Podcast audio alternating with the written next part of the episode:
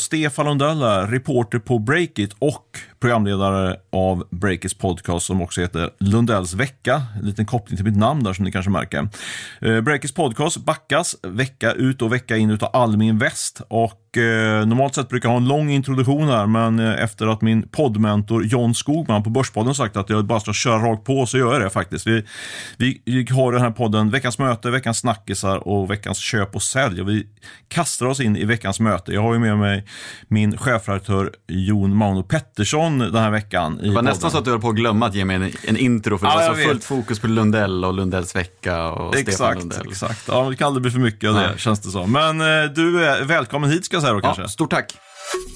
Du, veckans möte. Vad är ditt veckans möte? Uh, nej, men som jag sa till dig precis när vi gick in här, att jag har liksom inte haft något riktigt möte att uh, skryta om sådär. Jag hade ett möte här om veckan som var väldigt spännande som handlar om en, eh, en av våra Sveriges tunga entreprenörer som ska flytta till Afrika, Sydafrika närmare bestämt. Uh, men det ska bli en story på breaket och liksom jag måste liksom synka lite mer där så jag kan inte riktigt berätta om det i podden. Men förhoppningsvis kan man läsa om det på lördag eller söndag på breakit. Uh, En men det, superteaser. Ja, det är en teaser. Annars så, jag, jag vet inte om det räknas som möte, men vi var ju testade också en paddelhall eh, i fredags eller torsdags, den där på NKs tak.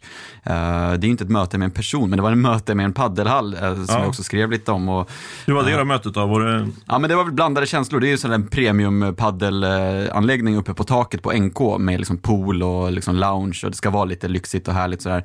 Men det var väl inte så här fantastiskt. Det var ju coolt ställe men usla banor om man ska sammanfatta det och inte så mycket kändisfaktor. Vi var helt ensamma på hela stället. Det var en ganska höstig, kall torsdag eller fredag sådär klockan 10, men eh, ja, inte riktigt så stekhett kanske det känns som en ganska väsentlig faktor att banorna är dåliga. Ja, nej, men det är väl inte optimalt liksom. Men jag vet inte, man kanske är mer där för att mingla än att liksom spela. Men det, då är också problem att ingen är där.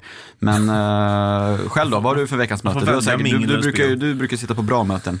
Ja, hyggligt möte. Ja, men jag gjorde intervju med eh, Sebastian Semikowski, grundare utav Klarna och tillika VD på Klarna, som jag tyckte blev, en, blev ett kul möte. Vi, vi träffades typ på bara en kvart, eh, fick jag från honom. Men det, han är bra på att fånga energi och eh, ens uppmärksamhet sådär. Och det blir en intervju på Breakit och eh, som är ganska vanligt eh, när man gör intervjuer så, så hinner man inte ta med allt i, i, eh, i en text där, liksom, trots att det faktiskt kanske skulle ha en plats där. Inte bara för att man stryker bort sånt som är oväsentligt, utan sånt som, som man helt enkelt får kill your darling, som det heter på journalistspråk. Så jag tänkte bara plocka upp två eh, datapunkter från, från den här intervjun då, som inte hamnar på breaket, men nu hamnar i podden. Mm.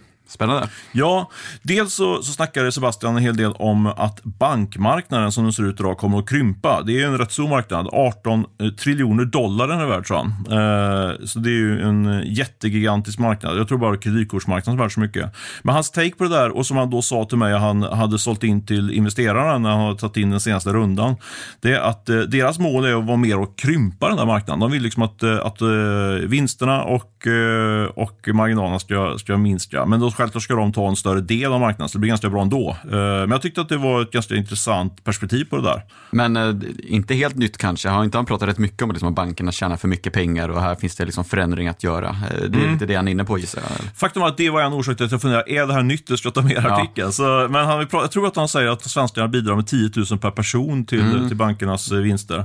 Men jag tyckte ändå att det var en ögonöppnare det här med liksom att, eh, också, att också utifrån ett entreprenörsperspektiv, att man kan vara en vinnare även på en krympande marknad då, som, som eh, Sebastian säkert tror att Klarna är och som jag också faktiskt tror att de kommer vara på den här marknaden. Mm, spännande. Ja. Nummer två. Ja, nummer två var, mm, jag försökte spinna igång lite grann det här eh, konsolideringsspåret som Lena Aper snackade om här i, eh, för vår premiärpodd. Alltså konsolideringsspåret bland betalleverantörerna, där Klarna är en spelare, men det finns ju Collector Bank och Qliro och så vidare. och Så vidare. Så jag försökte få Sebastian att säga att det kommer bli konsolidering det kommer bli utslagning. Men det vände han på, som jag tyckte var ganska intressant och även lite hoppfullt då som entreprenör, för han sa att storleken har faktiskt allt mindre betydelse i den här digitala världen. Eh, han sa att eh, värdet av att vara stor har minskat genom digitaliseringen och han tycker det är en väldigt spännande förändring. Han tog liksom exempel på, eh, faktiskt på våra, våra kollegor på Dagens Industri. Han har varit på en tv-sändning där. Han sa att när de körde, när jag var där för kanske tio år sedan, så, så körde vi ihop med TV4, med, eller vi säger jag, men när jag jobbade på Dagens Industri så var, var det med TV4 tv-sändningar.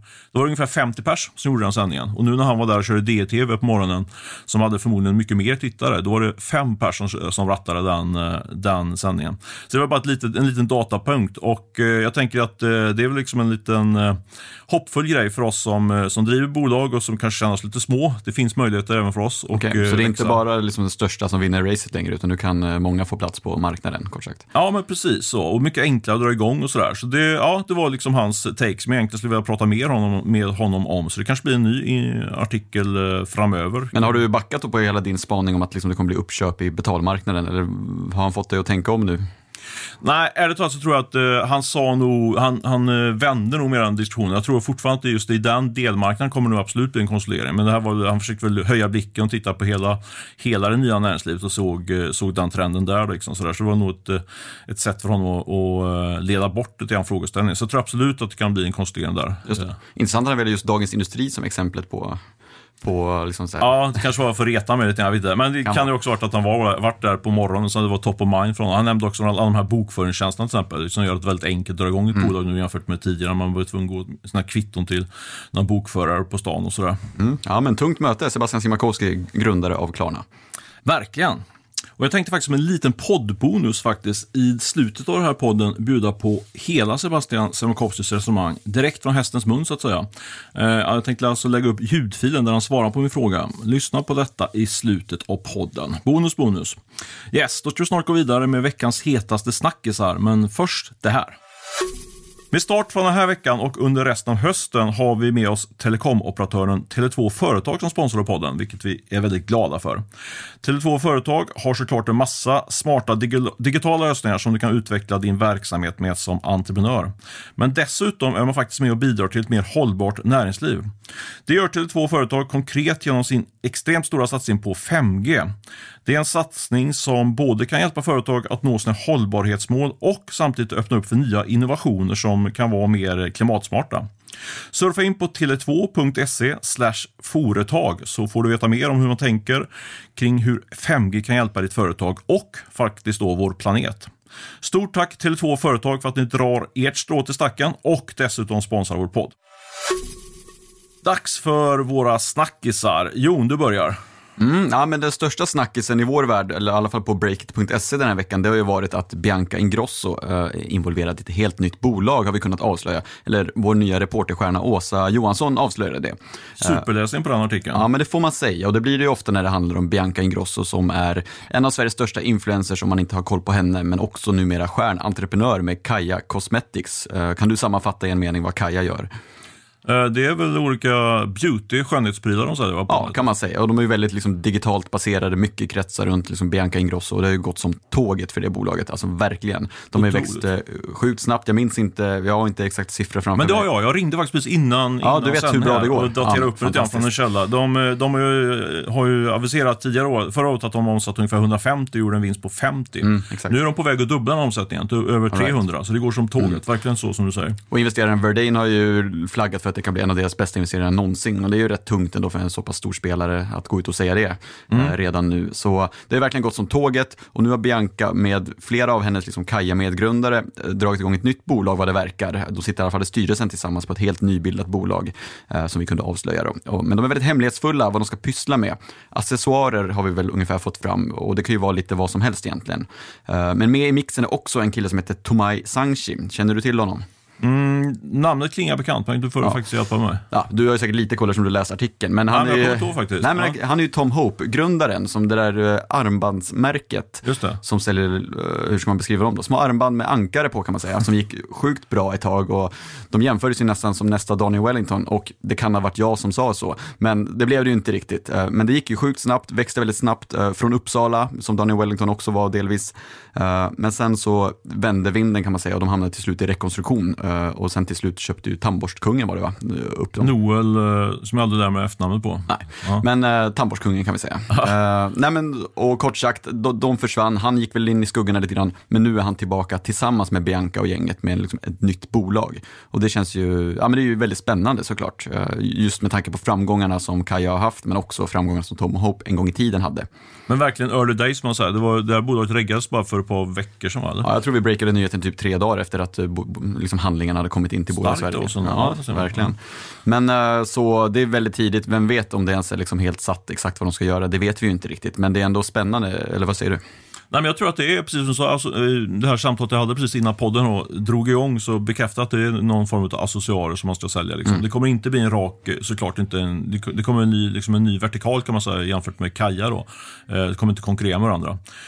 Men det låter väl rimligt. Ja, men jag tyckte den här nyheten var jätteintressant. Kul att vi liksom är så på, på tårna liksom och breakar när, när saker och ting precis håller på och dras igång. Jag tror också att det här är liksom ett tecken i tiden för, för hela den här influencerindustrin som, som håller på och och eh, kan man kalla det, växa upp och framförallt eh, kapitalisera på ett helt annat sätt på, sitt, eh, på sin enorma räckvidd. Alltså Bianca Ingrosso är ju även den största influencern nästan vi har i, Sverige idag. Och vi, vi var ju väldigt tidiga på att skriva om Isabella Isabelle Löwengrip som, som var väldigt stor för ett par år sedan. Och då var ju liksom taken på hur, hon är ju som ett stort medieföretag, men hur ska hon kapitalisera på de här, det här, den här stora räckvidden som hon har? Och då hon försökte ju dra igång, hon körde, drog, drog igång också egna varumärken och det lyfte väl så så där. Så hon sålde väl till sitt bolag till någon norsk spelare och fick väl ett antal miljoner för det. Men det var ju inte riktigt liksom att det took off sådär. Men, men, eh, men Bianca har ju verkligen lyckats med, med Kaja Cosmetics. Det är helt fantastiskt liksom den utvecklingen Det är ju en skillnad kan man säga, just jämfört med Lövengrip eller kanske Therese Lindgren som också går som tåget och sådär med olika typer av eh, sminkmärken och allt vad det är. Det finns ju många som startar bolag bland influencers och det går ju väldigt bra för många. Men det här är ju ändå på något sätt en, en annan nivå Mm. sett till tillväxt och liksom tillväxtambitioner. Så just därför blir det extra spännande också såklart att de nu ska starta något nytt. Och det, det undrar man ju liksom, hur kommer det jacka in liksom i något, där Biancas nya imperium som är under uppbyggnad vad det verkar. Ja, men precis. Och jag, tror att, jag tror faktiskt att om jag skulle liksom spekulera lite grann så tror jag nästa steg kan vara... Alltså, Bianca har ju en extrem stark eh, relation med sin målgrupp och vilket visar sig, så fort hon släpper en ny produkt så säljer hon ju som extrem. Liksom, det är helt eh, anhörd av det, vilken, vilken eh, konvertering det är när hon, eh, när hon går ut och marknadsför någonting. Och det kan både vara för sina egna produkter men också, hon jobbar ihop med Nelly till exempel, eh, som har re- redovisat jättebra siffror i hennes kampanjer. Men det man ser nu är ju att, om man säger att hennes målgrupp är så här, vad säger, mellan 15 och, och 30 någonstans där. Och just där ser vi också en väldigt stark trend med, kring, kring aktiesparande. Alltså aktier har blivit superhett i den, i den målgruppen. Det är till med, jag såg nu senast i, i veckan att man öppnar upp linjer för eh, spelmissbruk, alltså aktiemissbruk, liksom, för att det är liksom något som ökar i den målgruppen. Eh, de har de här eh, MEM-aktien, säger man va? MEM, vad heter det? Meme, meme-aktier heter det. Okej. Här brukar boomer ut. Jag blev Nej, men, liksom- nej, men det har verkligen varit något som väcker Avanza och massa nya, nya sparare och så vidare. Så jag tror ju att, att det är bara en tidsfråga innan, innan vi får se Kaja på, på börsen helt enkelt. Okej. Eh, kanske inte, eller absolut inte i år, för det är för fort, fort liksom, det är fortfarande en organisation med 20-25 pers. Liksom. Det är ändå ett, ett jobb att sätta ett bolag på börsen. Eh, I och för sig, om man tittar på siffrorna så är de absolut mogna för börsen redan nu. Verkligen. Alltså börsen har ju älskat sådana här bolag. Men jag tror att de behöver liksom sätta organisationen eh, ett tag till. De har en del och, och liksom, har ju massa olika tillväxtvertikaler att, växa på. Så. Men det här är liksom ett tips du har fått eller en spaning eller vad, hur ska man värdera Nej, det, säger väl, det, det är ett... eh, I första, fall, första jag en, en, en spaning, men sen har jag också kollat med, med källor som har lite insyn då, som säger att eh, absolut så skulle börsnoteringen kunna vara ett spår, men inte liksom i närtid, om vi snackar de närmaste sex månaderna. Liksom. Men, eh, men på något ett eller två års sikt så tror jag absolut eh, jag kunna satsa en del pengar på att, på att Kaja kommer noteras. Förutsatt att det här noteringsklimatet är någorlunda, alltså här, så, så hett som det är nu kommer det inte vara om, om två år eller ett år, det kan aldrig tänka mig. Men om det bara är okej liksom, så tror jag absolut att det skulle kunna sättas. Just det. Och vår kollega, bara för, innan vi avrundar just den här spaningen, Åsa, hon har skrivit en analys om det här som är väldigt bra på Breakit. Men om du själv skulle spekulera lite, Stefan, vad tror du, liksom, kommer det bli en ny braksuccé för Bianca nu? Eller är det liksom one hit wonder? Vad, nu vet vi inte exakt vad de ska göra för någonting, men om man tänker att det är samma team och de teamar upp med en person som gjort ändå en framgångsrik resa med Tom Hope tills det slutade vara framgångsrikt.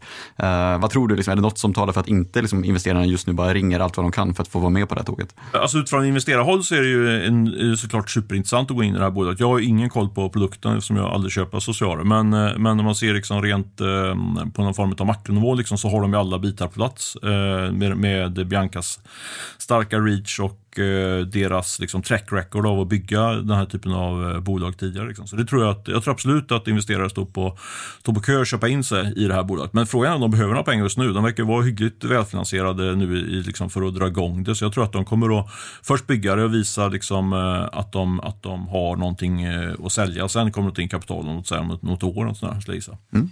Vi får följa det. Det gör vi absolut, dag för dag, minut för minut. Men du, nästa snackis. Eh, vi ska snacka om eh, paddel nu, eller hur? Yes, äntligen lite mer paddel ja. i podden. Nej men uh, vi ska breaka en snackis. Det är inte en snackis som har varit, utan det är en snackis som vi tänker kommer bli.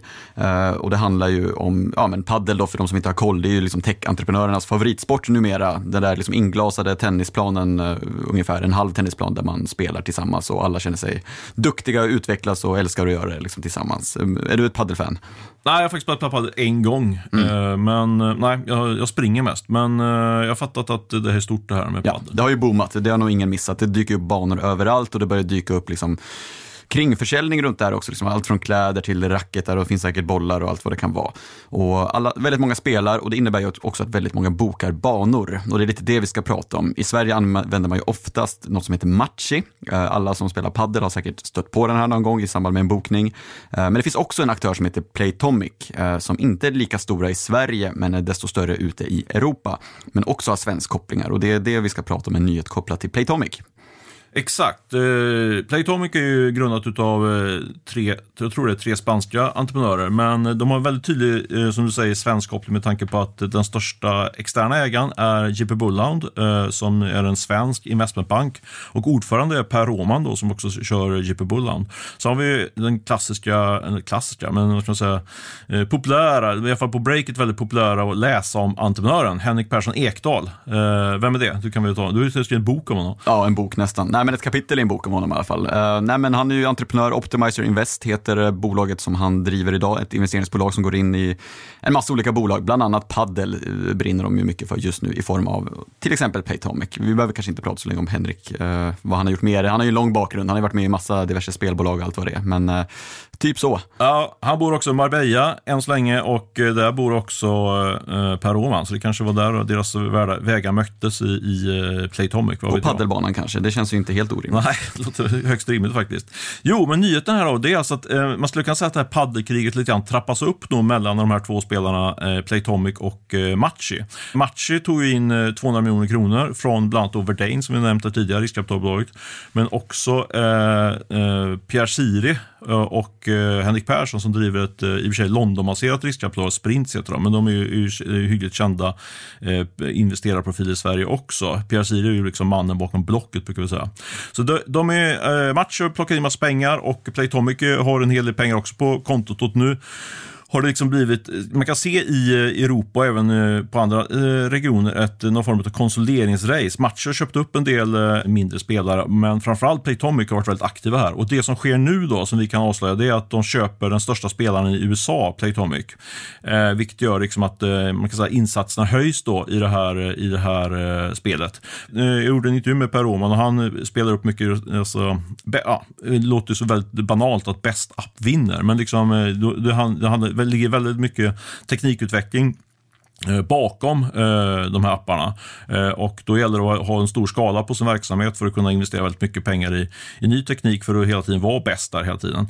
Eh, så det här är liksom ett tydligt tecken på att eh, ja, tempot höjs liksom i den, här, i den här marknaden. Det har ju varit en riktig, som du var inne på, hype kring eh, padel i Sverige och även i Norden växer det ju mycket. Men om man tittar ut i Europa och även i USA då, det är ju liksom den här marknaden i sin, i sin linda fortfarande. Och det är ju det spelet som, som både Playtomic och Matcher spelar här nu, liksom, att de ska, det ska verkligen ta fart runt om i både Europa och USA. Eh, och, det är den, och då vill man vara vinnaren liksom, i den här marknaden. Men jag fattar inte riktigt, och det kanske inte du har svar på heller, men liksom varför är bäst app som vinner försvinner. Jag menar, om jag bor nära en bana där jag spelar, då tar jag ju den appen som, till, som man bokar via. De flesta har ju inte flera liksom, appar, utan det är att ja, då bokar vi en match om det är matcher som gäller och sen får väl appen vara kass eller bra, men helst är den ju bra, men det är inte det som avgör kanske. Nej, men eh, nu är jag ute lite grann på tunn is men jag förstår eh, modellen rätt då, så är ju, den här appen är ju liksom, vänder sig dels mot dig som konsument och så, som spelare, men minst mm. lika mycket mot klubbarna okay. som är liksom bakom appen då.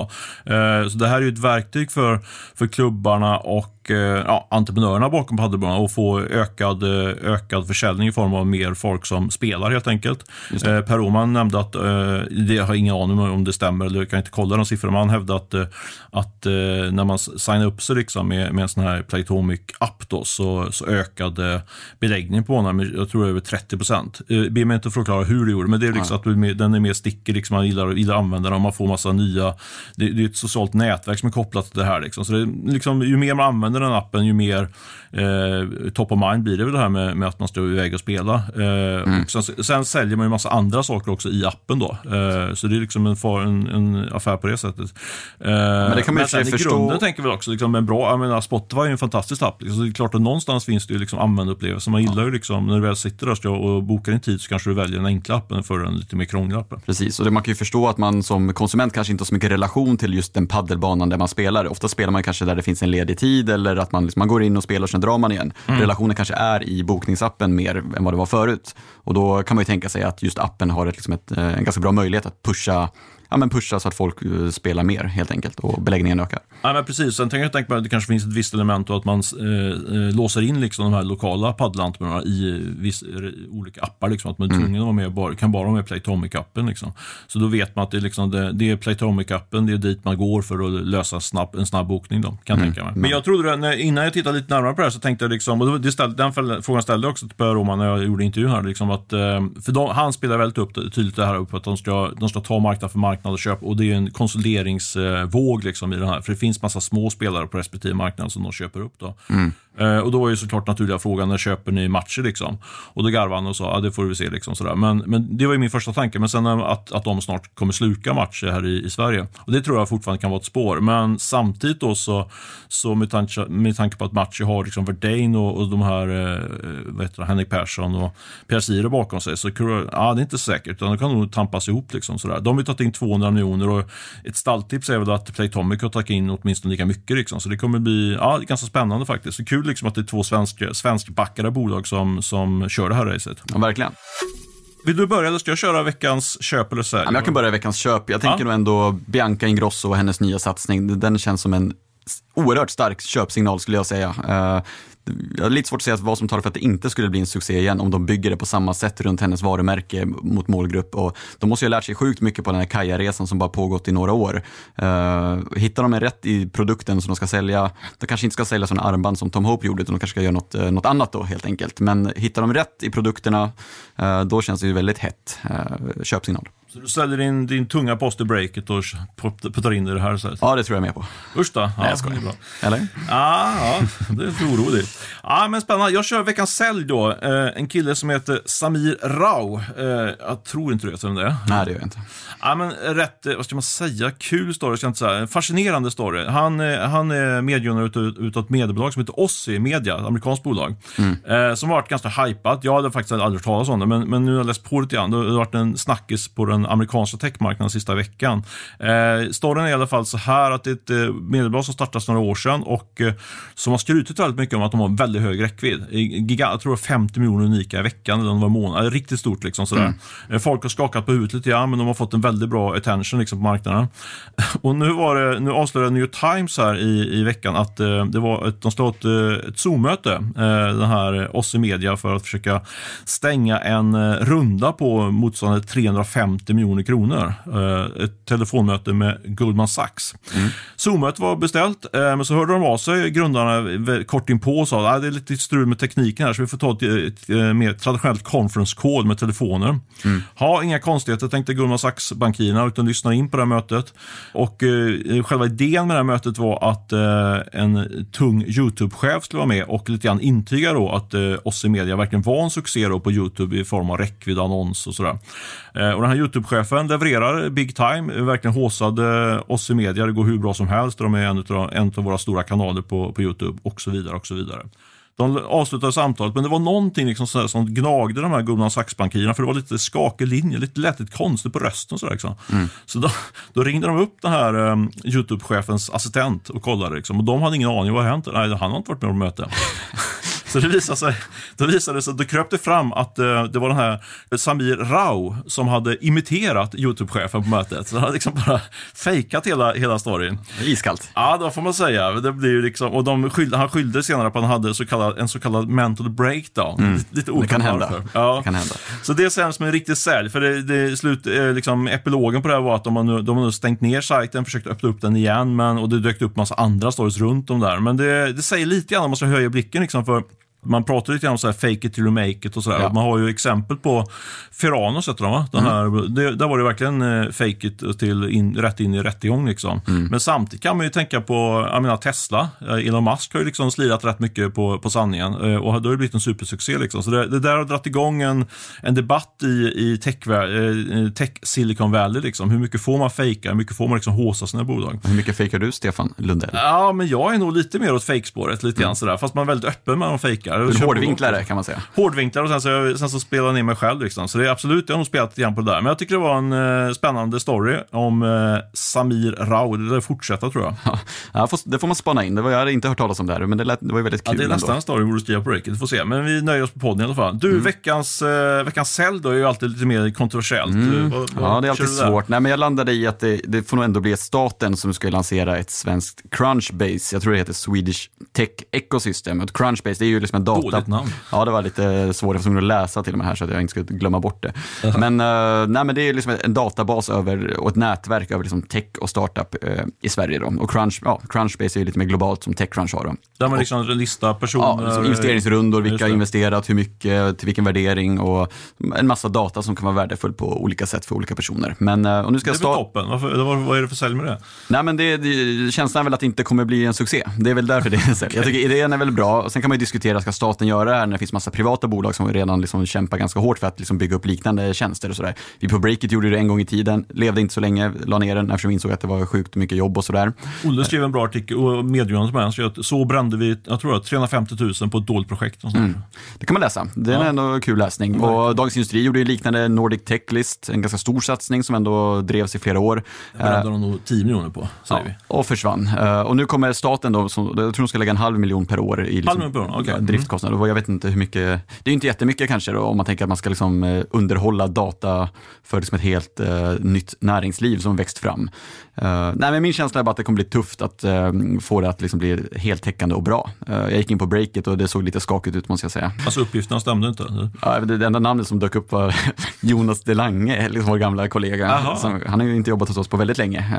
det stod bara journalist Jonas Delange. Och, jag tittade inte så noga, men jag, kände, jag fick bara en liten dålig vibb kan man säga. Och, bra att credda Jonas där i och för sig, men han kanske inte är helt relevant. Om ja, jag... men jag undrar om det, de har liksom plockat in någon data från någon annan databas där han liksom har liksom blivit connectad till breaket. Sådär. Och han, vi gillar Jonas, så det är inga konstigheter. Men det, det, det var kanske inte den datan man var ute efter. Uh, det är ett stort jobb att liksom ha en maffig databas och ska man ha det ska den vara korrekt och uppdaterad. Uh, är den inte det blir det helt plötsligt inte så relevant längre. Så och, din sälj är baserad på, det kommer bli fiasko här, det kommer, du kommer inte få ordning på det? Borta om tre år. Borta om tre år, oj, då har du, ja det är sant. Det är många, många miljoner som går upp i rök där som skulle kunna investeras på en uh, databas i Breakit kanske istället. Mm. Ja, men bra. Uh, min veckans köp är en uh, kvinna som heter Stina Andersson som jag, ska helt ärligt här, inte visste vem det var förrän jag käkade lunch med en person här i, i veckan. Hon är, hon är, det är en tungvikt där. Hon är alltså numera VD för Bonnier Group som är moderbolag till hela Bonnierkoncernen. Så man kan säga hon är etta på Bonnier nu, eh, i alla fall utifrån ett tjänstemannaperspektiv. Då. Och eh, hon tillträdde sin post i, eh, nu, bara för några månader sedan. Och jag tycker hon är veckans köp för att hon sitter på en kassa på så, si sådär 3, 4, kanske 5 miljarder kronor. Mm. För Bonnier sålde ju TV4 Simor för något år sedan var det väl nu. och då var det mycket snack om vad ska göra med pengarna, men det har riktigt i alla fall till glömska. Mm. I alla fall i min, i min attention. Och då var mycket snacket att ja, de pumpar nog in pengarna i något fastighets, tråkigt fastighetsprojekt och sådär. Men det som mitt lunchsällskap i alla fall spelade upp nu var att nej, de kommer göra något stort bett på, på det nya nya liksom, inom media okay. eh, tech. Liksom, vilket jag tycker är superspännande. Ja. Eh, så det där är värt att gräva vidare i. Eh, han pekade, eller hon eller han, han jag pratade med, jag vet inte, hen säger vi, ska man säga, det var en han kan vi säga, så mm. kan vi säga. Det är bara halva befolkningen pekas ut. Pekar på att, kolla på Bonnier Ventures, där finns det ju liksom en portfölj med kanske 20-25 bolag. Mm. Eh, och eh, något av dem, när de väl riktigt eh, tar fart så att säga, då kan de bara pumpa in pengar där. Så det, eh, det är spännande. Vad ska Bonnie göra med alla sina miljarder? Eller vad ska Stina Andersson göra med alla sina miljarder? Först trodde jag att du var inne på veckans sälj och att det var Stina Andersson. Då tänkte jag att det här kommer bli, var ska det här sluta när du börjar prata om någon ny chef på Bonn? Nej men det låter ju jättespännande. Vad tror du själv då? Kommer de pumpa in, är det liksom är det breaket man köper upp eller är det liksom, var, ja, var ska pengarna landa? Liksom? Ja, men ja, det vet jag. Eller men det man kan slå fast att nu har de i alla fall råd att köpa breaket. Det har varit mm. tveksamt tidigare, men nu har de ju pengar till att köpa breaket. Nej, men jag vet inte skämt säga, men jag tror att man ska kolla på, uh, de är ju stora till exempel Natural Cycles. Kan det vara något som de kan fortsätta pumpa i? Vad jag förstår så, det här är lite det men Adli, Adlibris börjar faktiskt uh, bli, bli, bli rätt bra nu igen liksom, efter, efter en... Um, tuffa år. Ja, tuffa år. De, skulle, de som sa att de, eh, de skulle sluta, de skulle lägga ner, eller inte foka på bokverksamheten utan göra ett, göra ett dåligt Amazon. Det gick inte så bra. Mm. Uh, nej men så det finns, jag tror att jag tror faktiskt ska ägna en del av nästa vecka tänkte jag och botanisera lite grann i Bonnie Ventures uh, portfölj där, för ja, där tror man kan jag. hitta. Det låter spännande. Ja, du, sen måste jag dra också veckans bonusköp uh, och det är såklart vår systerpodd kan man kalla den, Bokpodden. De är ute med mm. nytt avsnitt, jag lyssnade på den i morse. Uh, yes, den här veckan är Josefin Landgård, krigrundare och även, hon kör också det här Mantle nu. Mm, superintressant samtal, de har tittat vi, lite närmare på en bok som, heter, som ligger hemma hos mig, som jag inte hunnit läsa än, som heter Brus av Daniel Kahneman. Han tog ju Nobelpriset i ekonomi. Mm. Eh, och jag blev så pass inspirerad att jag nu ska jag läsa första kapitlet av Brus. Mm. Så in och lyssna på Bokpodden. Bra tips. Uh, ska vi nöja oss där sen, eller vad känner du? Ja, det tycker jag. Men eh, ni får såklart inte missa att lyssna på Sebastian, Sebastian heter han, Sebankowskis egna ord om varför storleken får allt mindre betydelse för dagens entreprenörer som kommer här då direkt efter att jag har berättat att Olle, An Olle Aronsson, har svårt på namnen idag, men Olle Aronsson är ansvarig utgivare för podden. Och vi är tillbaka om en vecka. Men nu kan du lyssna på Sebastian Semekovskis intervjusvar. Lyssna här. I min uppfattning så leder digitaliseringen till att det blir mer effektivt att ha små företag. Alltså, mm. tänk på, jag var på DI idag på Börs-TV och då berättade de för mig att de hade försökt det där, men jag tror det var väl när du var där med TV4. Mm. Då var det 50 personer för att få ut den där sändningen med mig i TV. Nu var det fyra personer. Ja, och det är ju digitalisering som har gjort det. Så varför jag inte så vill liksom säga att alla små aktörer inte kommer att överleva är för att det blir enklare och enklare att vara en, en liten aktör. Det blir mer och mer effektivt att vara en liten aktör.